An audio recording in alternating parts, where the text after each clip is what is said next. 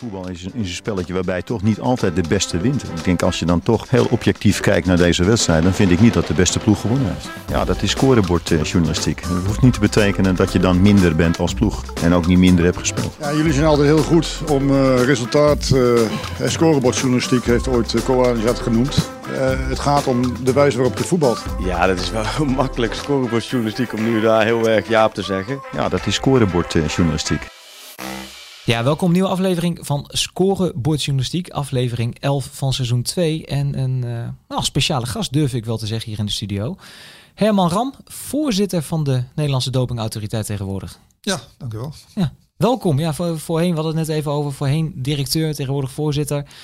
Maar nog steeds uh, ja, de, de grote man als het gaat om uh, de dopingautoriteit in Nederland. Ja, dat, uh, dat laat ik graag een ander over. Maar dat ik voorzitter ben komt omdat wij een overheidsorganisatie geworden zijn. bijna twee jaar geleden. daarvoor was het een stichting. En dat betekent dat ik nog steeds op dezelfde stoel zit. En mijn collega's ook nog steeds op dezelfde stoel. Maar het is wel wat anders georganiseerd. Vandaar. Precies, precies. Het zit vooral in, in, uh, nou, in nieuw dagelijks werk, wat misschien wat veranderd is, maar de dopingautoriteit aan zich blijft hetzelfde. Ja, die blijft in principe hetzelfde. Nog hetzelfde logo, hetzelfde naam, hetzelfde postadres. Ja. Ja, nu ben ik wel heel benieuwd naar uh, de, de, doping en de voetballerij. Daar gaan we het zeker even over hebben. Maar allereerst voor de mensen die niet echt thuis zijn in het onderwerp, wat doet de dopingautoriteit eigenlijk? Veel. Um, maar eigenlijk de hoofdmoot uh, bestaat uit drie dingen, denk ik. Um, waar we het meest bekend van zijn, is de uitvoering van dopingcontroles. Dat, dat kent iedereen eigenlijk. Daar denkt men ook aan als het gaat over doping. Daarnaast het, het doen van ander uh, recherchewerk, onderzoek. Op andere manieren proberen om informatie te verzamelen over mogelijke dopingproblematiek. Um, en de preventie-voorlichting. Dus de educatie is de derde poot waar we op staan. Daarnaast doen we nog Zeker een hele hoop andere dingen, wetenschappelijk werk, heel veel juridisch werk. Maar het is altijd ter ondersteuning van die drie hoofdtaken eigenlijk. Precies. En wat u zegt, de, de eerste poot, de mensen het beste kennen waarschijnlijk hè, de dopingcontroles. De, daar lezen we wel eens over, daar horen we wel eens wat over. Ja, daar gaat ook de meeste aandacht naar uit. Overigens ook het meeste geld, uh, jammer genoeg. Want het is een vrij dure, dure business als je het vergelijkt met bijvoorbeeld voorlichting, wat een stuk goedkoper is. Maar we vinden het allemaal net zo belangrijk. Eigenlijk vind ik voorlichting en, en opsporing uh, twee kanten van dezelfde medaille. Ja, je kan misschien beter zorgen dat, dat je de voorlichting goed hebt. Misschien dat je dan de achterkant dan wat minder hoeft te controleren. Absoluut, absoluut. En, en uh, wij zijn er ook op zich stellig van overtuigd dat, dat wat wij doen aan, aan voorlichting, educatie, dat dat uh, een stuk helpt in het voorkomen van, van gebruik en uiteindelijk dus van overtredingen. Uh, alleen is heel moeilijk te meten. Het is heel moeilijk te meten wat je effect eigenlijk is als je grote voorlichtingscampagnes opzet, veel sporters ziet, veel sporters spreekt. Welke van die sporters zal dan een andere beslissing nemen? We weten het niet exact, maar dat het effect er is, daar twijfelen we niet aan. Precies, dus blijven doen die voorlichting. Absoluut. Ja. Uh, nu, nu is coronatijd, u komt hier binnen, we geven elkaar geen hand. Even bij aangeven, we hebben elkaar vijf jaar geleden een keer gesproken voor een uh, verhaal in Voetbal International. Het is coronatijd. Ja, en ik heb al het een en ander gelezen, maar dat is, dat, als u het al heeft over die controles, dat is wel heel erg lastig natuurlijk. Ja, dat is in eerste instantie zelfs volstrekt onmogelijk. Toen, uh, toen halverwege maart eigenlijk Nederland uh, bijna helemaal op slot ging, uh, gold dat ook voor ons. Het was onmogelijk op dat moment, ook omdat niemand natuurlijk wist wat er precies aan de hand was, um, om controles te blijven uitvoeren. Je, je bent als controleur dan toch dicht bij een sporter. Sterker nog, heel dicht bij een sporter op een aantal momenten. Je kunt eigenlijk op dat moment, als je dat niet goed kunt inschatten, ook niet weten welk risico eraan zit. Dat was toen de situatie. Dus de controles hebben een paar maanden helemaal stilgelegen. Uiteraard niet alleen bij ons, maar mondiaal.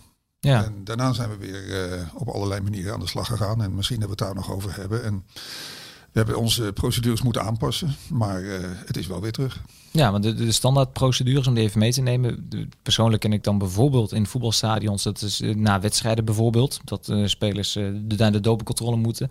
Je hebt de spelers met de sporters met de bloedpaspoorten volgens mij. Ja, de, de, de controles eigenlijk vallen uiteen in, in twee, twee soorten, binnen- en buitenwedstrijdverband. binnenwedstrijdverband betekent overigens natuurlijk niet in de pauze, zal ik maar even zeggen, maar, maar een afloop van de wedstrijd, maar wel direct gebonden aan de wedstrijd. Dat gebeurt normaal gesproken via loting. Al kan ook daar bijvoorbeeld een speler worden aangewezen. En dat is dan ook direct na de wedstrijd. In principe, als het allemaal een beetje vlot gaat, is dat een uur na de wedstrijd ook, ook gebeurd. Alle andere controles, de buitenwedstrijdverbandcontroles, kunnen in principe overal zijn. Dat kan op een trainingslocatie zijn, maar ook bij de sporten thuis bijvoorbeeld. En um, in de voetballerij is op dit moment ongeveer de verhouding bijna 50-50. Dus ongeveer de helft gebeurt na wedstrijden en de andere helft uh, op een ander moment.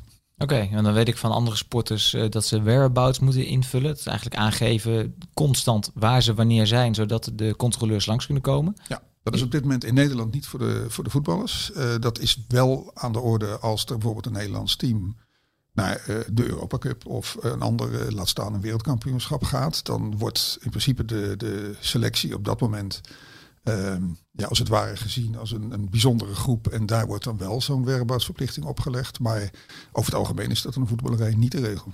Oké, dus we moeten het eigenlijk vooral zien bij de voetballerij, de controles, dus uh, rondom wedstrijden en die 50% dan zeg maar. Uh... Ja, bij, bij de mensen thuis. En als het nodig is, dan kunnen we dus altijd wel die whereaboutsverplichting opleggen. En dat kan in de loop der tijd ook veranderen. Uh, voorbeeld van buiten de voetballerij, toen, toen honkbal, baseball Olympisch was, uh, betekende dat voor ons onder andere dat we daar die werkboudsverplichting oplegden. Toen de sport de Olympische status verloren, zijn we ermee gestopt. Uh, en toen die status weer terugkwam, of als die status weer terugkomt, dan gaan we erom draaien. Maar dat is dan zo cruciaal, alleen of het Olympisch is of niet? Ja, want dat betekent ontzettend veel. Uh, dat heeft heel veel gevolgen voor een sport.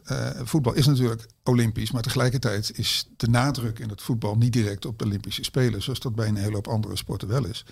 Maar voor veel sporten is het verschil tussen wel of niet Olympisch. Is, is, ik zou niet zeggen de vraag tussen leven en dood, maar het maakt voor een sport ontzaglijk veel uit. Veel andere mogelijkheden als je één Olympisch bent. De geldstromen worden uiteraard een stuk groter.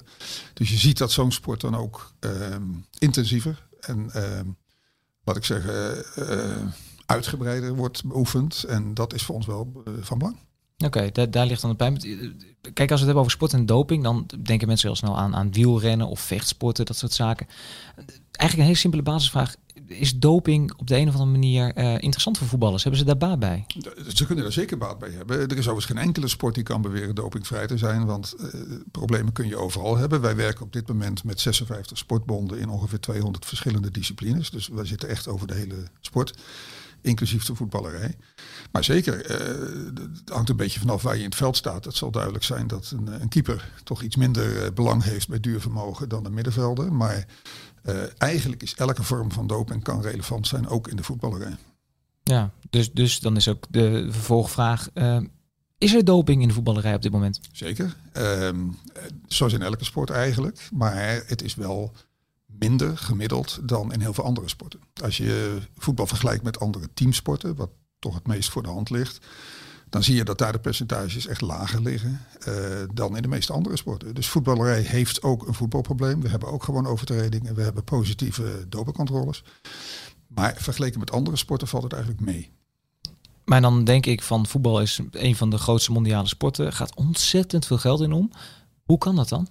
Nou ja, ten eerste is geld vaak helemaal niet de bepalende factor in die zin dat uh, het grootste deel van dopinggebruik zit in amateursport. Uh, dat heeft er toch vooral mee te maken dat doping veel minder gekoppeld is aan geldelijk gewin dan heel veel mensen denken, maar toch vooral te, te maken heeft met de wil om te winnen. En dat geldt in amateursport niet anders dan in, uh, dan in de betaalde sport.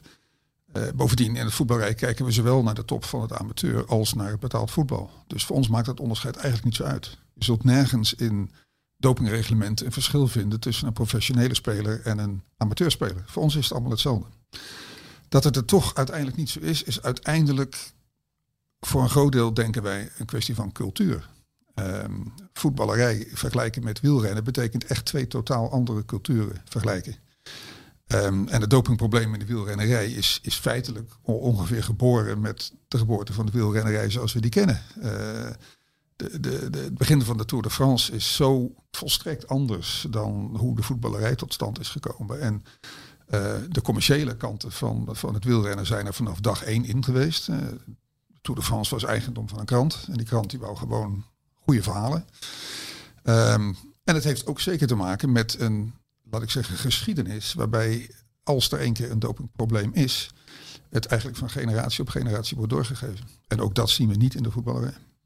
Oftewel, het is nooit echt ontstaan, zegt u, dus dan wordt het ook niet doorgegeven. Precies, uh, maar het is er natuurlijk wel. Uh, doping is een, uh, een heel breed eigenlijk palet aan mogelijkheden om, om je sportprestatie uh, te beïnvloeden. Um, en uiteraard is de voetballer een, uh, als, als mens en lichaam niet anders dan een andere sporter. Dus natuurlijk is die mogelijkheid er altijd. Ehm, we hebben natuurlijk ook een aantal problemen die uh, internationaal in ieder geval op een gegeven moment heel groot geworden zijn. Dat zijn altijd de voorbeelden die genoemd worden. Dan is er een bekende Zuid-Amerikaanse speler die klaarblijkelijk met cocaïne in de camera kijkt en iedereen heeft dat beeld um, en associeert het dan ook direct met doping. er zijn verhalen geweest met hele grote belangrijke internationale clubs die, die op een gegeven moment op die manier in, het nieuws kwamen. Dus ze zijn er. Um, en nogmaals, geen enkele sport en zeker ook niet de voetballerij kan zeggen geen doping te kennen. Maar je ziet daar niet een patroon zoals we dat wel in het wielrennen gehad hebben. Je ziet niet een cultuur die over de hele sport gaat. Het kan in een club bijvoorbeeld wel degelijk een rol spelen. Maar daarmee nog niet een hele competitie bijvoorbeeld. Ja, voor iedereen die nu luistert en denkt, ze gaan zo meteen nog even in op die speler en die club. We hebben afgesproken, we gaan niet in op namen. Dat is ook niet netjes en voor mij ook privacygevoelig. Dus dat zullen we ook bij deze niet doen. Wat vraag, u zegt net, uh, zowel amateurvoetbal als betaald voetbal. Op welke niveaus wordt gecontroleerd in Nederland? Nou, in principe kunnen we, laten we dat even vooropstellen, op alle niveaus controleren. Maar het zal toch duidelijk zijn dat we de F'jes en de G'tjes niet, uh, niet echt uh, interessant vinden. Uh, eigenlijk is de huidige praktijk dat we in ieder geval de hoofdklasse amateur um, en de, de beide divisies van het betaald voetbal controleren. En daar waar het nodig is, maar dat zijn dus in principe uitzonderingen ook op andere niveaus. Maar dat is het uitgangspunt. We kijken dus naar de top van het amateur en de top van het beroepsvoetbal. En dan moet ik denken aan die uitzonderingen als er bij jullie misschien een keer een tip binnenkomt of dat je iets hoort. Je ja. denkt van. Ja. ja, dat soort situaties hebben we wel gehad. Uh, we hebben bijvoorbeeld een keer een tip gehad over een, een club waar uh, uh, dingen in de kleedkamer gebeurden die niet de bedoeling waren. Ja, op dat moment gaan we daar natuurlijk heel specifiek naar kijken. En hebben we op dat moment ook vrijwel het hele elftal gecontroleerd. Um, en zijn daar een aantal zaken uit voortgelopen. Ja, want dat is uiteraard mijn vervolgvraag. U zit hoe lang bij de Dopingautoriteit? Ik zit nu bijna 15 jaar, vrees ik al, bij de dopingautoriteit. Vreest dus, uh, ja, dat is wel erg lang. Toen ik erin kwam was ik dat zeker niet van plan. Ik had verwacht dat het een paar jaar zou worden. Maar uh, ik, uh, ik ben er nog steeds. Je bent er nog steeds. in die 15 jaar, hoeveel voetbalgerelateerde zaken bent u tegengekomen? Um, ik heb het niet precies nagekeken. Um, ongeveer één per jaar gemiddeld. Dus in die periode zijn het 12, 13, 14 misschien geweest. Dat is niet veel. Dat is niet veel. Um, zeker niet als je nagaat dat we per jaar ongeveer een 200 controles tot 250 controles doen. Dat betekent dat je een half procent positief hebt. En dat is uh, zeker lager dan, uh, dan gemiddeld aan de top van de sport. Dus inderdaad, dat zijn weinig zaken. Um, tegelijkertijd, uh, ze zijn er dus wel, wat ik al zei. En bovendien, de controles zijn niet alleen bedoeld om, om op te sporen, maar vooral ook om af te schrikken. En wij controleren vooral om duidelijk te maken dat uh, de kans om gepakt te worden gewoon aanwezig is. Um, en het is ook vaak zo dat als er een, een sporter tegen de lamp loopt, um, dat dat wel wat rimpelingen in de voetballerij meebrengt. In ieder geval in de omgeving van die sporter. En men zich toch weer realiseert dat het risico er is. Precies. Nou, u gaf uh, de vorige keer dat we spraken aan dat van die voetbalgerelateerde zaken die tegenkwam, dat er ook vrij veel vrolijke weekenden bij zaten. Ja, en dat is dan toch vooral in het amateurvoetbal, want daar zien we wel een duidelijk verschil. Um, en dat heeft, denken wij, voor een deel met de begeleiding te maken. Uh, betaald voetbalorganisaties hebben natuurlijk, en zeker uh, in, de, in de eredivisie, hebben een veel uh, uitgebreidere staf begeleiding om de, om de spelers heen. En de spelers worden wat dat betreft ook wel begeleid en behoed, zal ik maar even zeggen, voor, voor problemen. Dat zie je in het amateurvoetbal toch een heel stuk minder. En het gevolg is dat een beroepsvoetballer die in het weekend um, uitgaat en daarbij bijvoorbeeld wat het dan ook maar is, maar cocaïne of ecstasy of wat dan ook maar gebruikt, zoals in Nederland nou eenmaal heel veel gebeurt. Um, die zal daarvoor in zijn omgeving weinig enthousiasme vinden en waarschijnlijk heel snel gecorrigeerd worden. In het amateurvoetbal zie je dat eigenlijk veel meer gebeuren. Um, dat betekent dat die spelers daar veel kwetsbaarder op zijn. En wij in de loop van, in ieder geval de tijd dat ik dit werk doe, toch. Ik heb het niet precies nagekeken, maar ik denk wel zeker zes, misschien acht zaken hebben gehad die met het gebruik van drugs te maken hebben. In plaats van met wat wij dan toch maar noemen de kern van de doping. Dus echt prestatiebevorderende middelen. Ben je strafbaar eigenlijk als je, uh, wat, wat u zegt, uh, de cocaïne of een andere druk gebruikt zeker, en gaat voetballen? Dat staat op de dopinglijst. Het is wat dat betreft heel overzichtelijk. Er is één lijst, die geldt voor de hele wereld, voor alle sporten. Dus dat is in de voetballerij ook niet anders dan in de wielrennerij of noemt u maar een sport op. Uh, en daar komen social drugs op voor. Het grootste deel daarvan van de social drugs zoals ze gebruikt worden, staat ook op de lijst. En dat betekent gewoon dat het doping is. Weliswaar wordt die wat anders benaderd en beoordeeld dan bijvoorbeeld anabolen of EPO of andere zaken. Maar ja, je bent strafbaar. En sterker nog, de, de straffen die daarbij horen zijn echt fors. Overigens gaat dat per 1 januari wel wat veranderen. Dan worden de straffen voor drugsgebruik gaan omlaag. In een aantal gevallen, lang niet altijd. Uh, maar desalniettemin, ook dan zul je nog een maandenlange schorsing kunnen krijgen. Dat is ook goed voor alle amateurvoetballers die nu meeluisteren en denken van... Uh, ik kan het een en het ander combineren met elkaar, niet doen. Nee, dat is in zijn algemeen, dat is misschien nog niet verstandig. Maar ook vanuit mijn uh, oogpunt, nee. De, de, kans dat je daar op een gegeven moment een probleem hebt, is, is aanmerkelijk. En tot nu toe, en dat realiseren veel sporters zich niet, waren de regels zo dat je over het algemeen twee jaar schorsing tegemoet zit. En als je geluk hebt, één jaar. Um, en dat betekent toch wel erg lang in een, uh, in een vrij korte carrière om zo lang aan de kant te staan. Dus de gevolgen zijn echt heel ingrijpend. En dat durf ik zelfs te zeggen, misschien mag het nog wel wat zwaarder. Als je echt af wil schrikken, of kan dat niet? Ja, dat zeker. En die discussie is ook altijd gaande. Aan de ene kant uh, is veel roep om zwaardere straffen. Die zijn ook over het algemeen omhoog gegaan de afgelopen jaren. Uh, sterker nog, toen ik begon was twee jaar de standaard. En moesten er wel heel veel uh, verzwarende omstandigheden zijn om op vier jaar te komen. Eigenlijk is het nu al een jaar of zes zo dat vier jaar het uitgangspunt is. En twee jaar nou juist pas na een, een, een, een procedure waarin allerlei verzachtende omstandigheden naar voren komen de uitslag is. Dus de straffen zijn omhoog gegaan, maar um, wij kijken wel degelijk anders aan tegen uh, het gebruik van middelen om de prestatie te bevorderen. Um, als drugsgebruik, wat ons ook niet erg enthousiast maakt, maar wat toch vaak helemaal buiten de sportcontext plaatsvindt. En dat is dan ook vaak uh, de, de, vraag waar je voor staat. Als uh, als het drugsgebruik niet te koppelen is aan de sportprestatie, dus niet bedoeld is om lekker door je training heen te komen, of niet bedoeld is om die wedstrijd tot het einde goed te kunnen volhouden, uh, dan moet dat leiden tot lagere straffen. Overigens is het in de praktijk natuurlijk wel heel moeilijk om dat te bewijzen of vast te stellen, maar dat is wel waar we naar kijken. Helder, als ik me even focus op het betaalde voetbal. Wie betaalt die, wie betaalt die dopingcontroles eigenlijk? Nou, in principe, de, het grootste deel van de controles wordt uit ons algemene budget uh, betaald. Uiteindelijk is dat overigens geld van de Nederlandse Loterij, waar wij uh, de controles van doen. Uh, die controles worden dus eigenlijk als het ware als één grote eh, pot met uit te voeren controles aan ons gegeven. Daar krijgen we budget voor. En dan bepalen wij, dopingautoriteit, welke sporten hoeveel controles krijgen en wanneer dat precies gebeurt. Um, daarnaast heeft de KNVB al heel erg lang uh, de gewoonte om ook een eigen, uh, als het ware, inkoop te doen met controles. En dat is dan vooral voor de betaalvoetbal. Uh, dus wij uit eigen geld doen het amateurvoetbal en een stuk van het betaald voetbal en de rest wordt door de KNVB betaald. En dat zijn 100 controles per jaar die de KNVB financiert. En dan komen totaal in de voetballerij zei je op 250 200 tot 250. De laatste jaren was het vooral in de buurt van 250. Dat klinkt uh, als heel veel, maar als je dan gaat kijken hoeveel voetballers wij in Nederland hebben, dan is het relatief weinig. Absoluut. Nee, de kans dat een, een beroepsvoetballer uh, gecontroleerd wordt uh, in een jaar is een stuk lager dan bijvoorbeeld een beroepswielrenner. Um, maar daar zit toch een beetje de redenering achter van als het probleem groter wordt, dan wordt dat bij ons beloond door meer controles uit te voeren. Dus als wij meer zouden vinden in het voetbal dan we nu vinden, als we echt vast moeten stellen dat het probleem groeit, toeneemt, dan zullen we daar ook op acteren en dus meer controles gaan uitvoeren. Um, je ziet dat ook. In bepaalde sporten hebben we in een bepaalde periode buiten de voetballerij ineens een probleem gezien. Zijn we veel intensiever gaan controleren. En dan kom je ook vaak gelijk uh, een aantal problemen tegen, een aantal overtredingen. Dan worden de, de, de sporters uh, in die sport uh, vaak grondig bestraft. En daarna zien we het probleem heel snel weer afnemen. Dat kan gebeuren. In de voetballerij hebben we dat tot nu toe niet op die manier gezien. En dus hebben wij tot nu toe niet de neiging gehad om daar heel veel meer te gaan doen.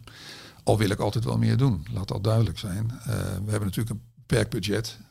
wij voeren per jaar op dit moment zo'n 3000 controles uit over de hele sport. Um, en dat is wel over meer dan 50 sportbonden verspreid. Dus uh, je moet toch altijd kijken waar je je middelen inzet. En uh, het zal duidelijk zijn dat uh, Schaken en Dammen bijvoorbeeld bij ons niet ehm, heel veel controles hebben. dat getal is eigenlijk altijd nul. Um, terwijl een andere sport zoals gewichtheffen of wielrennen nou juist een veel hoger aantal heeft, omdat daar de problematiek heel groot is. Nou, nu begrijp ik het punt van uh, de kosten die je maakt om te kunnen controleren. Nu zullen ook luisteraars denken van ja, je vindt niet veel in de voetballerij als je ook niet heel veel test. Misschien dat er wel wat is, maar dat we het niet aan de oppervlakte zien. Ongetwijfeld zien we dingen niet. Ook dat geldt overigens voor elke sport. Maar het is zeker zo dat we niet alles zien. Uh, maar het percentage is natuurlijk wel belangrijk. Daar kijken we naar. Als je op 200 controles per jaar één zaak hebt. En je hebt dus ongeveer een half procent overtredingen. Um, als je in andere sport 20 controles doet je vindt er ook één, dan heb je wel tien keer zo hoog percentage. Nou, dat is voor ons erg uh, bepalend. Uh, bovendien is het zo dat als wij um, reden hebben om specifiek naar een club of naar een speler te kijken, ehm, dan doen we dat uiteraard. En dat is af en toe wel raak, zal ik maar even zeggen. Uh, in de zin dat als je, als je puur op, uh, op loting controleert, dan, uh, dan is het vrij overzichtelijk. Dan wordt van elk team worden er twee aangewezen en een reserve, zoals iemand onderweg geblesseerd raakt of, of ziek. Um, en die worden na de wedstrijd eruit gehaald. Maar op het moment dat wij specifiek bijvoorbeeld informatie hebben die, dat een bepaalde club misschien toch een, een probleem heeft, dan zullen we in zo'n club misschien op naam controleren en ook een stuk meer controles doen dan die twee. Ja, nu sprak ik van de week een, een echt ervaren eredivisie-speler die al meer dan 300 wedstrijden achter zijn naam heeft staan. Die kon zijn laatste dopingcontroles, dat was toen die jaren geleden een keer Europees speelde. Ja, dat kan heel goed. Dat kan heel goed. Want als je gewoon naar de, de, de omvang van het veld kijkt, wat zijn er ongeveer 750 betaald voetballers in Nederland uh, globaal. Um, als je daar dan 250 controles op, uh, op loslaat, dan heb je eens in de drie jaar kans, zal ik maar even zeggen, als je het puur uh, statistisch bekijkt.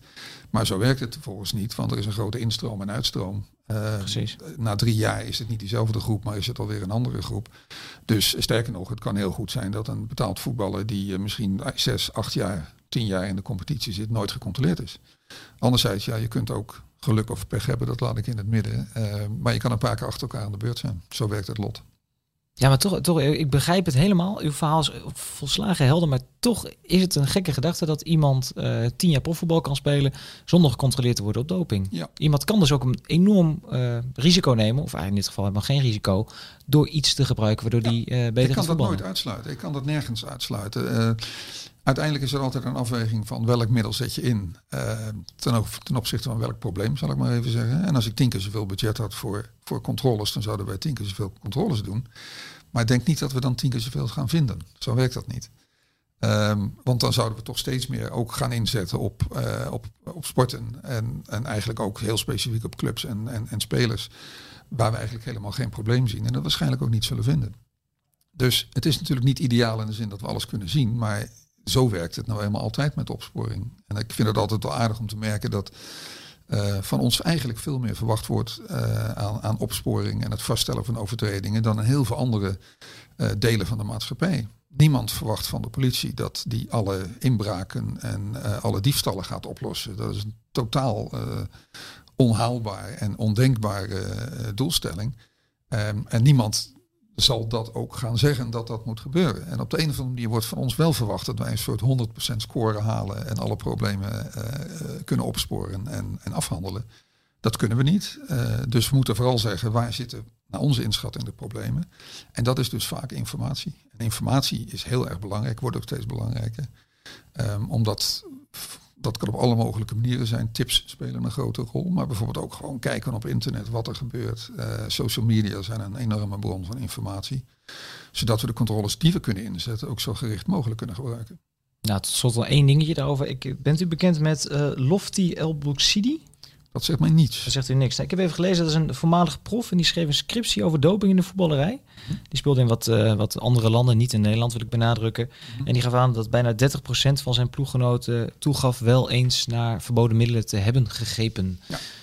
Ja, ten eerste, dat zal inderdaad uh, per land nogal verschillen. Maar dat kan heel goed. Alleen Spanje, dan, lager niveau Duitsland, ja, excuses. Ja, ja. Het, als je kijkt naar dit soort onderzoek, dan zul je vooral het probleem hebben van wat is nou de definitie. We hebben dit soort onderzoek ook in Nederland veel gedaan. Uh, we hebben een redelijk beeld van de percentages gebruikers. Maar dan zie je dat heel veel mensen eigenlijk zelf geen definitie hebben van doping. Wat zijn verboden middelen? Um, veel spelers blijken dan bijvoorbeeld inderdaad ook die drugs duidelijk mee te nemen. Maar bijvoorbeeld ook uh, allerlei voedingssupplementen uh, die, die, massaal geslikt worden. En in de voetballerij heb je dan nog specifiek het probleem dat bepaalde medicatie, met name pijnstillers en ontstekingsremmers, bovenmatig veel gebruikt worden. Dat is geen doping. Die dingen staan niet op de dopinglijst. Dus vanuit mij gezien is dat ook eigenlijk niet van belang. Terwijl het wel van belang is vanuit de gezondheid van, uh, van de speler. En met, met dat vind ik goed, sorry dat ik je onderbreek, maar dat, dat, zou dat dan ook niet prominent op de dopinglijst moeten komen? Want wij weten ook, voetballers moeten tegenwoordig drie wedstrijden in een week voetballen. De druk is groot, presteren is groot. Uh, toch nog even een, een pilletje erin, of vroeger ja. was het vaker nog een spuit. Precies. Om toch nog even die 90 minuten mee te kunnen pakken. Ja, um, dat zou voor de voetballerij best interessant zijn. Alleen het punt is dat de dopinglijst uh, mondiaal voor alle sporten en alle landen geldt. Dus um, als je bijvoorbeeld pijnstillers daarop zou gaan zetten dan is de consequentie dat uh, een, een extreem veel gebruikt simpel middel, wat je bij elke drogist kan halen, over de hele wereld in alle sporten verboden gaat worden. Dat is een enorme consequentie, uh, die in de praktijk ook tot ontzettend veel onbedoelde ongelukken zal leiden, zal ik maar even zeggen. Um, want je kunt ook wel uh, maagzuurremmers op de lijst gaan zetten om maar eens iets te noemen. En dat kan misschien ook nog eens een keertje iets, iets opleveren. Maar dat betekent in de praktijk dat je eigenlijk constant um, onbedoelde en onbewust begane overtredingen gaat opsporen. En niet met het echte dopingprobleem bezig bent. Ik vind wel dat er een probleem is. En ik vind wel dat in de voetballerij daar zeker aandacht voor nodig is. Maar ik denk niet dat dopingcontroles een goed middel zijn om dat op te sporen. Dus ik neem de, de problematiek wel degelijk ernstig. De KNVB heeft een aantal jaar geleden er onderzoek naar gedaan. En als je daar kijkt naar de percentages uh, die, die je dan tegenkomt aan, nogmaals, ontstekingsremmers, um, pijnstillers, dan is dat schrikbarend. Uh, maar dat is een gezondheidsprobleem. Althans, zo kijken wij er wel tegenaan. En wij denken dat dopingcontroles eigenlijk niet geschikt zijn om dat probleem op te lossen. Helder. Ik, ik zit nu wel een keer te denken. Heeft u wel eens gehoord van, ik pak weg wielrenners die dan s ochtends om zes uur uit hun bed worden gebeld door een, een controleur? Wel eens gehoord, ja, die voetballers. Hoort u wel eens vanuit andere sporten denken, ja, gaan we weer? Ja, het, sterker nog, over het algemeen heeft men helemaal geen idee hoeveel wij toch in het voetbal doen. Uh, dat zal nooit zoveel zijn als men wil. Maar uh, ik heb heel wat wielrenners gehad die zeiden, ga nou ook eens naar het voetbal kijken. Terwijl we daar dus per jaar toch 250 controles doen. Dat is 10% van alle controles die we uitvoeren over alle sporten. Um, ik ga niet zeggen dat het genoeg is, want het is nooit genoeg. Ik zal ook altijd meer willen doen. Maar het idee dat er in het voetbal niet gecontroleerd wordt, is absoluut onzin. En het is ook onzin om te denken dat dat alleen maar gebeurt na wedstrijden. Want ik gaf al aan, bijna de helft van wat wij doen is uiteindelijk buiten wedstrijdverband. En vaak aan de deur van het huis waar de sporter woont. De spelers worden thuis bezocht, uh, zeker aan de absolute top. Ik moet er nog wel één ding bij zeggen bovendien. De echte top wordt natuurlijk veel vaker gecontroleerd dan door ons. Want als je meedoet aan... Uh, Europese laat staan aan, aan wedstrijden op wereldniveau. Um, dan krijg je vervolgens ook de controles van de UEFA en eventueel van de FIFA die erbij komen. Um, en dat uh, is voor de, voor de echte top wel degelijk uh, ingrijpend. je zult geen speler, denk ik, kunnen vinden die niet op dat, die op dat niveau functioneert en nooit gecontroleerd is. Dat is bijna ondenkbaar. Dus voor de Lionel Messi's en Cristiano Ronaldo van deze wereld, die, die hebben dus een keer een... al regelmatig aan de beurt geweest, ja. Precies. Nou, de, door de jaren heen uh, zijn er best wel wat uh, dopingzaken geweest. Althans, er is wel wat over gezegd, over geschreven. Uh, wat mij, ik heb een lijstje hier voor me liggen hoor. Ik, ik zie dit, het werd al geschreven in 1958 over Pelé die op 17-jarige leeftijd injectiespuiten kreeg. Nou, Duitse elftal 74. Algerije in 1986, waar later uh, heel veel spelers uh, ja, gehandicapte kinderen kregen. Waar toen ook wel werd gedacht, een Russische arts die iets zou hebben gedaan. Nou, Juventus jaren 90. We hebben de Nandrolon-affaire gehad met Frank de Boer, Edgar Davids, Jaap Stam. Um, mijn grote vraag is eigenlijk, wat werkt dan eigenlijk? En dit, is geen, uh, dit moet geen reclamespotje worden voor uh, profvoetballers om te denken, we gaan dit eens gebruiken. Maar ik, ik kom EPO tegen, ik kom spuiten tegen, ik kom verdachte gele pilletjes tegen. Waar, we begonnen er al een beetje mee, maar waar heb je als voetballer nou baat bij? Wat, wat kan dat werkelijk helpen? Even toch naar alle zaken die je noemt. Het is, ja. het ook, dat zijn ook inderdaad die hoogte- of dieptepunten die, die heel vaak uh, aangehaald worden. Maar kijk eens even naar de tijd waarin het gaat. Jaren 50 was er nog niet eens een algemeen geaccepteerde dopinglijst. Um, als je het hebt over injecties, ja, wat? Hoe? Nee, dat, dat was ook de onduidelijkheid eh, nadien, zeg maar. Precies, precies. Dus je ziet daar dat er dan iets aan de hand is. Um, daar wordt dan het etiket doping opgeplakt. Terwijl soms er niet eens een dopinglijst is en geen dopingreglement. Dan kan het niet eens doping zijn. En als er dan een probleem is, dan wordt dat als het ware um, um, uitvergroot tot een probleem wat, wat meer is dan een incident. En dat kan ook hoor, nogmaals, maar dat is onduidelijk. De, de Al Algerijnse kwestie. Um, weet niemand wat daar gebeurd is. Er is heel veel speculatie, maar niemand die het weet. Maar het is wel, even, toch even meenemen voor de luisteraars die dat verhaal niet kennen. Uh, elftal presteerde fantastisch. Uh, maar uiteindelijk waren allemaal, allemaal spelers die kwamen afloop naar buiten met het verhaal van ja, uh, ik ben zelf niet zo lekker. En we hebben kinderen met een handicap van acht spelers of zo die dat hadden. Ja, ik ken de aantallen niet. Maar, en ze hadden een Russische arts gehad in die tijd. Ja, en um, in de jaren 70, 80 ook nog, um, eigenlijk de DDR-tijd, uh, zie je dat er uit, van achter het Oostblok toch heel veel kennis ook naar het Westen kwam, laat ik het zo maar zeggen. En eventueel ook naar Noord-Afrika. Um, dat was tegelijkertijd een tijd dat eigenlijk het hele dopingbeleid nog totaal in de kinderschoenen stond. De, het Wereld die nu ehm, het beleid mondiaal maakt en controleert, is in 1999 opgericht. En in 2003 is voor het eerst er een mondiale set regels, de Wereld Antidopingcode, uh, ontstaan. En daarvoor werd er dan elke sport individueel overgelaten wat ze deden. En dat betekent in heel veel sporten dat er niets gebeurde. En ook in de voetballerij is in die periode, dus voordat er echt mondiaal beleid was, heel erg weinig gebeurd. Dus je ziet eigenlijk dat ehm, de, de, de grote schandalen, als ik ze zo mag noemen, nog stammen van voor het huidige beleid. Uh, je noemt ook nog een Nandrolon-affaire. Dat is absoluut waar. Uh, die heeft in Nederland heel veel aandacht uh, getrokken. Maar het was ook de tijd dat bijna niemand wist welke risico's er zijn om vervuilingen bijvoorbeeld in voedingssupplementen tegen te komen die leiden tot een dopingovertreding. Die kennis is sindsdien enorm vergroot. Dat, dat was toen het argument, hè? Excuus, zeker, zeker. En er zijn, er zijn toen straffen uitgedeeld die overigens een stuk lager zijn dan, uh, dan, dan de straffen die later voor dit soort uh, dingen kwamen. Um, maar het was in die periode absoluut moeilijk om nou exact vast te stellen wat er aan de hand was. Dat zou nu veel makkelijker zijn. Het gaat me ook niet om de zaken. Het gaat mij erom dat um, zo'n Nanderlon-affaire, zoals je het noemt, toch een volstrekt andere zaak is. En dan ook heel fundamenteel anders dan, uh, dan bijvoorbeeld die Algerijnse zaak, waar voor zover bekend zeer ernstige dingen gebeurd zijn. Precies, maar is er, is er dan een bepaalde uh, ja, druk, want dat zijn eigenlijk natuurlijk gewoon drugs, is een bepaalde vorm van doping die voetballers goed zou uitkomen? Jazeker, zeker. En eigenlijk uh, heb je in voetbal, en dat maakt ook dat de sport wat dat betreft best ingewikkeld is om aan doping te denken, natuurlijk een hele hoop dingen tegelijkertijd. Je hebt duurvermogen, uh, je hebt uh, concentratie, dus je moet uiteraard, als je heel hard kan schieten, maar het gaat naast het doel, ben je nog niet zo erg opgeschoten. Dus Um, kracht kan absoluut een rol spelen. Je ziet dan ook natuurlijk dat krachttraining een steeds grotere rol is gaan spelen bij uh, ook in de voetballerij. Um, en eigenlijk heb ik elk van die eigenschappen en elk van die prestatievermogens een, een, een ja, een aparte doping uh, achtergrond zou je kunnen zeggen. Um, EPO is bijvoorbeeld uh, vooral voor een middenvelder natuurlijk al vrij, vrij interessant. want de middenvelder loopt 6, 7 kilometer soms meer. Nou, soms wel tien tegenwoordig. Hè? Ja. Dat is alleen maar op, op, toegenomen. Dat is precies wat ik wou zeggen. Over de jaren zie je dus dat de afgelegde afstand uh, van midden, middenvelders in het voetbal gewoon alleen maar is toegenomen. De aard van het spel maakt dat er gewoon veel meer gelopen wordt. Um, daar is bijvoorbeeld EPO of bloeddoping of andere dingen zou daar een, oplossing uh, kunnen zijn als je het zo zou willen zeggen.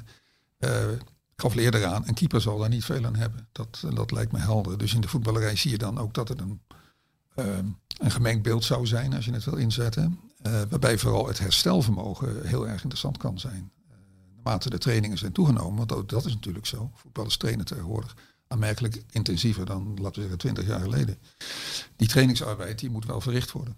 En dan zie je vooral in alle sporten uh, dat, dat het, het herstelvermogen, dus na een zware training, weer uh, gewoon fit aan de volgende wedstrijd te kunnen staan dat dat iets is wat mij wel wil beïnvloeden. Ik zeg dit allemaal dus niet om te zeggen dat het gebeurt in de voetballerij en zeker niet dat het massaal gebeurt.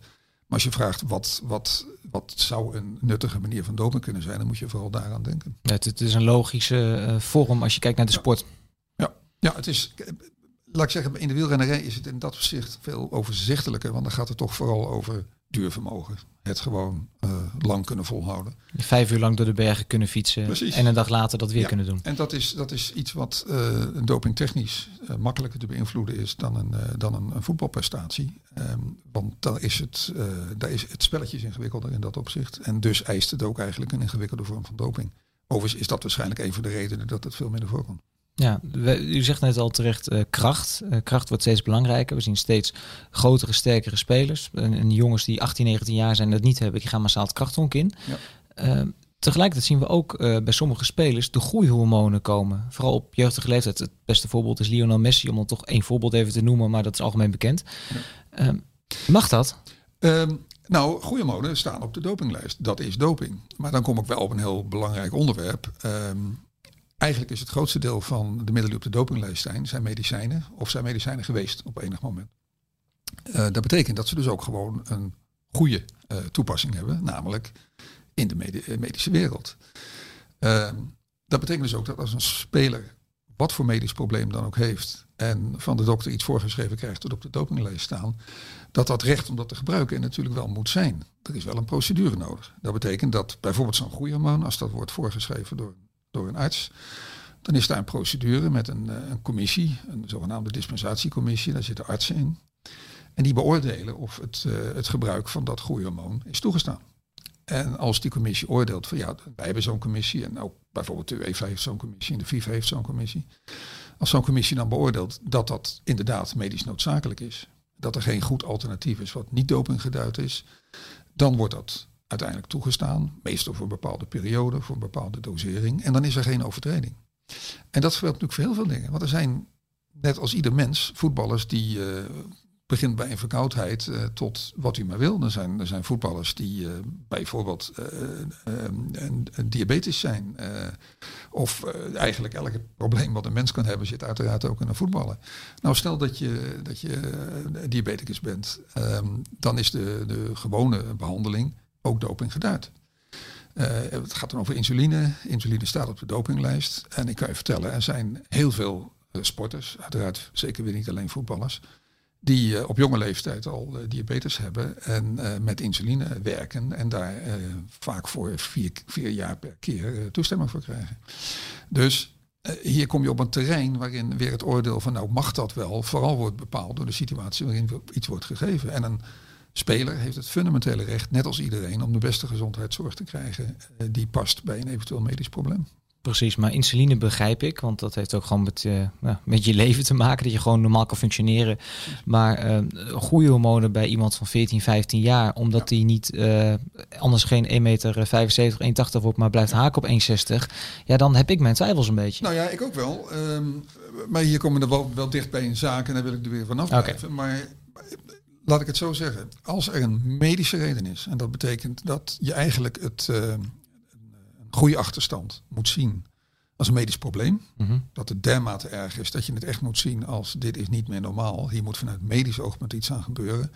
Dan heb ik er geen enkel probleem mee um, als uh, daarvoor een, een, een groeimiddel wordt toegeschreven als daar dispensatie voor gegeven is. Ik ben de dokter niet, zal ik maar even zeggen. Het is een andere kwestie als bijvoorbeeld die groeihormonen helemaal niet gegeven worden omdat er een medisch probleem is. Maar uitsluitend bedoeld zijn om als voetballer straks meer kans te hebben omdat je een lange lijf hebt. Als dat de achtergrond is, dan ben ik er falikant op tegen. En uh, we kennen, even los van dit specifieke geval, we kennen natuurlijk situaties waarin al op heel jonge leeftijd geprobeerd wordt om de eigenschappen van een sporter, of dat nou een voetballer of een andere sporter is, te beïnvloeden. Maar er zit in die nog wel een probleem. Als dat op heel jonge leeftijd gebeurt, gebeurt dat ook voordat de dopingcontroles worden uitgevoerd. Wij controleren geen uh, tienjarige spelertjes. Uh, het kan, het mag. En, en het komt ook wel een dood enkele keer voor. Um, maar dat is natuurlijk niet de opzet. En je kunt niet met terugwerkende kracht zeggen als iemand dan 18, 19 is van nou, laat ik het zo zeggen. Als, uh, als op enig moment door een arts met een goed medisch dossier uh, een, een, een groeimiddel is voorgeschreven, wat dan ook gebruikt is, dan kun je nog wel re uh, reconstrueren hoe het in ieder geval gelopen is. Of het dan achteraf gezien een goed idee is, is natuurlijk nog heel iets anders. Um, maar ik moet ook weer vaststellen dat zo'n medisch dossier lang niet altijd volledig en aanwezig is. En dan hebben we natuurlijk wel een serieus probleem. Alleen feitelijk zitten we daarna na de daad. Eh, we kunnen wat dat betreft gewoon het verleden niet reconstrueren. Ja, tot, tot, wanneer mag je eigenlijk nog straffen? Tot wanneer iets gebeurt? Tien jaar. De, de, de, tien jaar is, is op dit moment, en dat is al jarenlang zo, uh, de periode waarover we kunnen terugkijken. Dat betekent bijvoorbeeld ook dat wij uh, afgenomen monsters, dus urinemonsters, bloedmonsters, tien jaar bewaren. Oké. Okay. Uh, en dat betekent dat je in principe, als je na een jaar of acht reden hebt om nog eens terug te kijken, met vaak betere apparatuur. in de laboratoria wordt elke vier, vijf jaar zo'n beetje wordt eigenlijk het hele, wat wij zeggen, wagenpark, dus alle apparatuur wordt vervangen.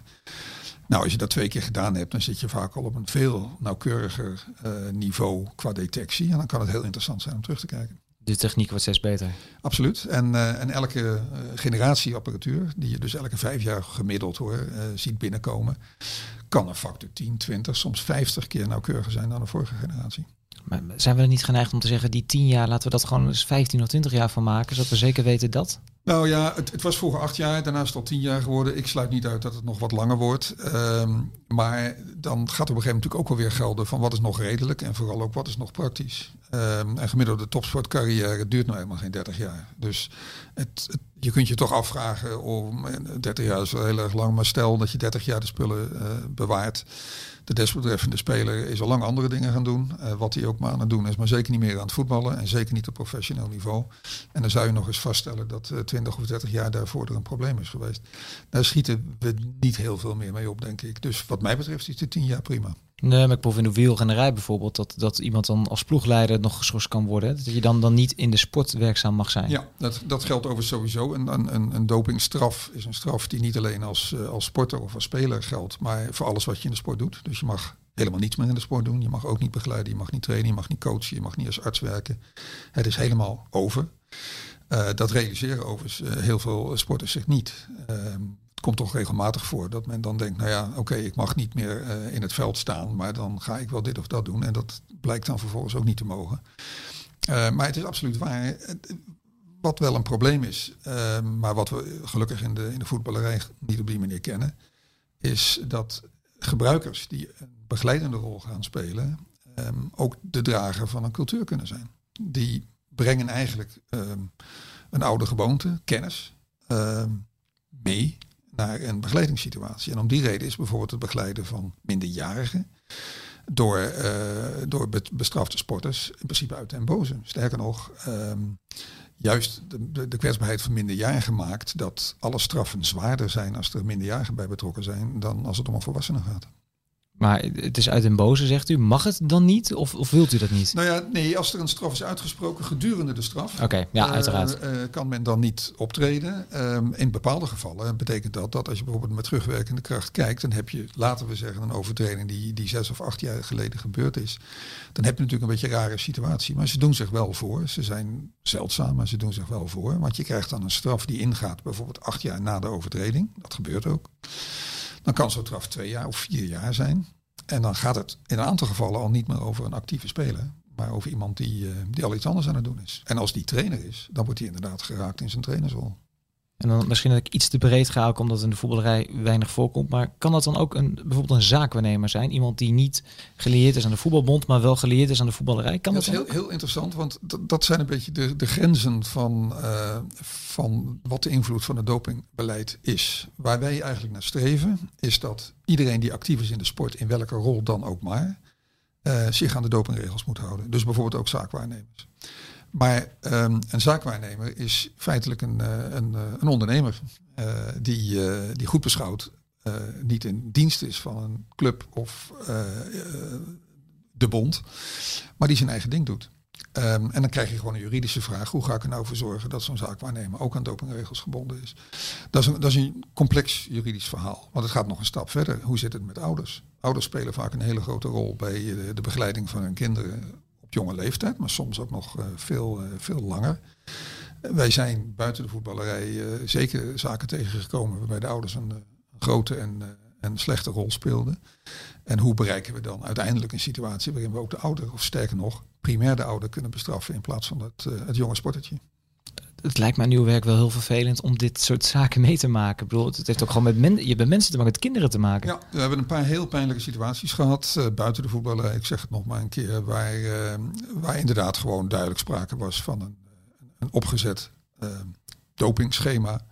Waar, waar de ouders feitelijk de aanstichter van het, van het kwaad waren. En dat is uit, uitermate pijnlijk. Voor zo'n kind ook uiteraard heel bedreigend. Wat wij dan altijd doen is zowel aangifte doen strafrechtelijk als aangifte bij uh, de inspectie uh, jeugd- en gezondheidszorg. Ehm, wat daarmee gebeurt valt buiten mijn blikveld, maar dit soort zaken melden wij vanzelfsprekend.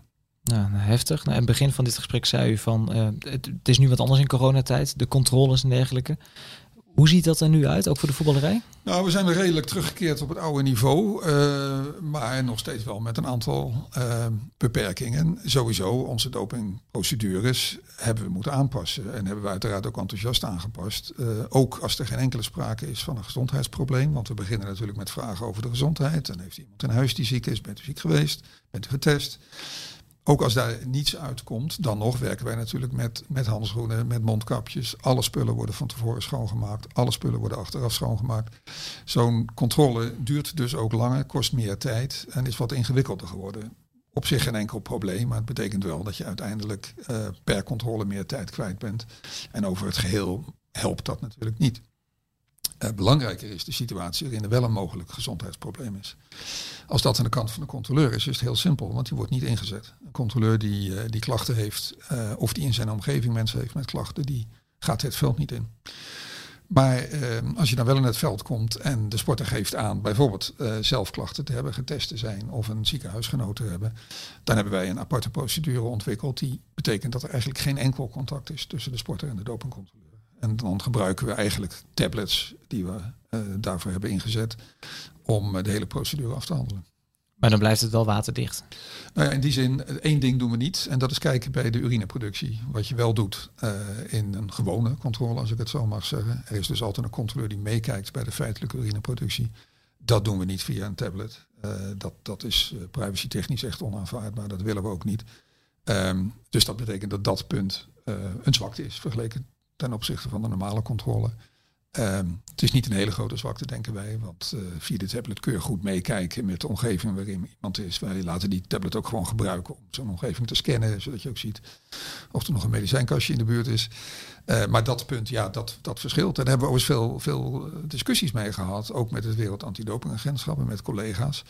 Um, waar kun je zeggen, dit is nog waterdicht? Nou, waterdicht is helemaal niets in de wereld. Maar we komen toch een heel eind. Um, en waar moet je zeggen, ja, zo kan het niet meer. En collega's hebben er vaak andere oplossingen voor bedacht. Onze oplossing vinden wij eerlijk gezegd, onbescheiden als wij soms zijn, vinden wij de beste. Maar er zijn collega's die het anders doen. Uh, er zijn bijvoorbeeld ook collega's die nu nog alleen controles doen in een mobiel dopingcontrolestation. Die hebben wij ook. Zetten we ook in. Uh, maar wij vinden nog steeds dat wij op deze manier heel veilig en uh, verantwoord ook controles nog steeds bij iemand thuis kunnen uitvoeren of in het stadion. Um, maar er zijn collega's die zeggen, nee hoor, wij willen ze allemaal in pions in de bus hebben. Want dat zijn meestal omgebouwde campers, ook die van ons. En daar doen we de controles. Dat is ook een benadering. Ja, maar toen u hier binnenkwam, toen vroeg ik al van... Het betekent niet dat er nu een vrijbrief is voor topsporters om dingen te doen. En u reageerde heel duidelijk van, uh, dat is niet het geval. Nee, kijk, er is natuurlijk een aantal maanden helemaal niet gecontroleerd, mondiaal. Uh, dat hing een beetje bij land af. Uh, de eerste maand, volledige maand van de lockdown mondiaal, de maand april, is mondiaal ongeveer 3% van het normaal aantal controles uitgevoerd. Dus 97% is weggevallen. Dat betekent eigenlijk natuurlijk dat het hele controleprogramma mondiaal op zijn gat lag. Um, in de maand mei is het alweer omhoog gegaan. Ik geloof dat er toen 11% gehaald werd en daarna is het heel snel omhoog gegaan. Daar zit wel in die zin een heel belangrijk punt. Um, wij werken dus altijd binnen en buiten wedstrijdverband. En dan binnen wedstrijdverband te kunnen werken moet je wel wedstrijden hebben. Nou is voetbal toevallig een sport. Of niet toevallig. Waar de wedstrijden weliswaar zonder publiek en met allerlei voorwaarden de wedstrijden doorgaan. Dus in de voetballerij kunnen we ook weer binnen wedstrijdverband controleren. Maar de meeste sporten zijn er geen wedstrijden. En dat betekent dat we dat deel van het programma eigenlijk niet kunnen uitvoeren. De buitenwedstrijdverbandcontroles die zijn eigenlijk zoals dat voor corona was, zijn teruggekeerd naar het oude niveau. Maar daarmee is dat gat nog steeds aanwezig. Nou, hoe ga je met dat gat om? Je kunt, uh, je kunt het niet achteraf dichten. Uh, dus wat je vooral doet is kijken, oké, wie hadden wij in die periode willen controleren, gaan we alsnog controleren. We zullen het aantal controles volledig uitvoeren, maar dus feitelijk later dan de bedoeling was. Betekent ook dat sommige controles die we dit jaar hadden willen doen, waarschijnlijk volgend jaar worden uitgevoerd. Betekent overigens ook dat 2021 wat dat betreft een record aantal controles gaat opleveren, denken wij. Omdat we dus een, een inhaalslag uh, moeten maken. Dat is best een uitdaging uh, voor onze organisatie. Um, en daar waar, waar we bijvoorbeeld uh, eerdere dopingcontrolegegevens hebben van een sporter, kunnen we die heel goed gebruiken. Want in elke dopingcontrole kun je een hoop dingen vaststellen. Die weliswaar geen dopingovertreding hoeven te zijn, maar die wel iets zeggen over de fysieke staat van de desbetreffende sporter, speler. En als je een aantal van dat soort controles hebt, dan krijg je een patroon. En uh, dat betekent dat we voor een aantal sporters echt wat dan heet uh, sporterspaspoorten aanleggen. Waarbij al dat soort gegevens op een rijtje worden gezet. Daar gaan ook alle dopingcontrolegegevens in. Niet alleen wat wij doen, maar dat gebeurt dan mondiaal. Je hebt één zo'n paspoort als sporter. En iedereen die een controle uitvoert, voegt zijn gegevens daaraan toe. Maar zelfs al heb je geen volledig paspoort, als wij drie, vier of vijf controles hebben die we op een rijtje zetten, dan, dan kun je absoluut zien of daar uh, opvallende afwijkingen in zitten. Dus je kunt voor een deel, ik zeg niet dat het 100% zo is, maar je kunt voor een deel wel degelijk zien of er in de periode van de lockdown dingen gebeurd zijn die niet de bedoeling waren. Nagezien er in de voetballerij nog gewoon gespeeld wordt, halen jullie dan die 250 testen dit dat jaar denk wel? ik niet, omdat we dus toch een aantal maanden stil hebben gelegd. Ik denk niet dat we dat helemaal kunnen inhalen. We doen wel ons best, maar eh, tegelijkertijd moeten we ook al die andere sporten aanpakken. Ik denk dus dat een deel volgend jaar terecht komt. Eh, is dat erg? Eh, voor de meeste sporten is dat eigenlijk helemaal niet erg. Of misschien nog wel goed, omdat de Olympische en de Paralympische Spelen ook zijn uitgesteld. Dat is voor de voetballerij net weer wat minder belangrijk. Maar de meeste sporten is dat toch het grote evenement wat eraan komt. Uh, en dat betekent dat wij eigenlijk het helemaal niet zo verschrikkelijk vinden dat wij al die controles in 2021 voor de Spelen doen in plaats van in 2020. En het, het, voetbal is dat toch wel afwijkend. En omdat de Olympische status toch, toch net wat minder zwaar weegt. Hoewel die nog steeds heel belangrijk is natuurlijk dan in andere sporten. Uh, maar ook omdat hier de wedstrijden doorgaan. Dat maakt, maakt het voor ons makkelijker om het aantal te halen wat we willen. Maar dan nog denk ik dat we een deel zullen meenemen. Ja, nu zit ik komend weekend weer in een voetbalstadion. Ik, ik begrijp dat u geen uh, clubs kan noemen, maar in principe mag ik ervan uitgaan dat bij een van de wedstrijden in het betaald voetbal, Eredivisie, Keukenkampioen-divisie, weer getest gaat worden. Of bij meer. Overigens, ik, ik, ik ken het schema nooit, want dat zou voor mij ook uh, onnuttige uh, informatie zijn. Ik heb geen idee waar we, waar we komend weekend zijn, maar dat gaat ook via loting. voor een deel gebeurt dat overigens nog bij een notaris, om het helemaal onafhankelijk te maken. Um, en dan hebben we gewoon een aantal wedstrijden uh, bij ons in het schema staan waar, uh, waar de dopingcontroleur onaangekondigd verschijnt. En uh, nogmaals, welke het zijn weet ik niet, maar dat zijn we weer gewoon aan het doen. Al maanden. Heel goed, en ga ermee door. Ja, tot slot, totaal overbodig denk ik, maar doe het gewoon niet hè. Doping. Dat is het aller, allerbeste. En uh, ik, ik, hoop dat in dit praatje uh, duidelijk is dat uh, aan de ene kant, want dat is toch wel de hoofdboodschap wat mij betreft, voetbal echt niet het Sodom en Gomorra is van, van de dopingwereld. iedereen die denkt dat daar alles fout en alles mis is, denk ik, ziet niet de werkelijkheid. Maar voor zover er een probleem is, mag men ervan uitgaan dat wij er bovenop zitten. Heel goed, blijf dat vooral doen. Herman Ram, voorzitter van de Nederlandse Dopingautoriteit. Dankjewel. Dankjewel. Voetbal is een, is een spelletje waarbij toch niet altijd de beste wint. Ik denk als je dan toch heel objectief kijkt naar deze wedstrijd, dan vind ik niet dat de beste ploeg gewonnen heeft. Ja, dat is scorebordjournalistiek. Dat hoeft niet te betekenen dat je dan minder bent als ploeg en ook niet minder hebt gespeeld. Ja, jullie zijn altijd heel goed om uh, resultaat. Uh, scorebordjournalistiek heeft ooit uh, Koan dat genoemd. Uh, het gaat om de wijze waarop je voetbalt. Ja, dat is wel makkelijk scorebordjournalistiek om nu daar heel erg ja op te zeggen. Ja, dat is scorebordjournalistiek.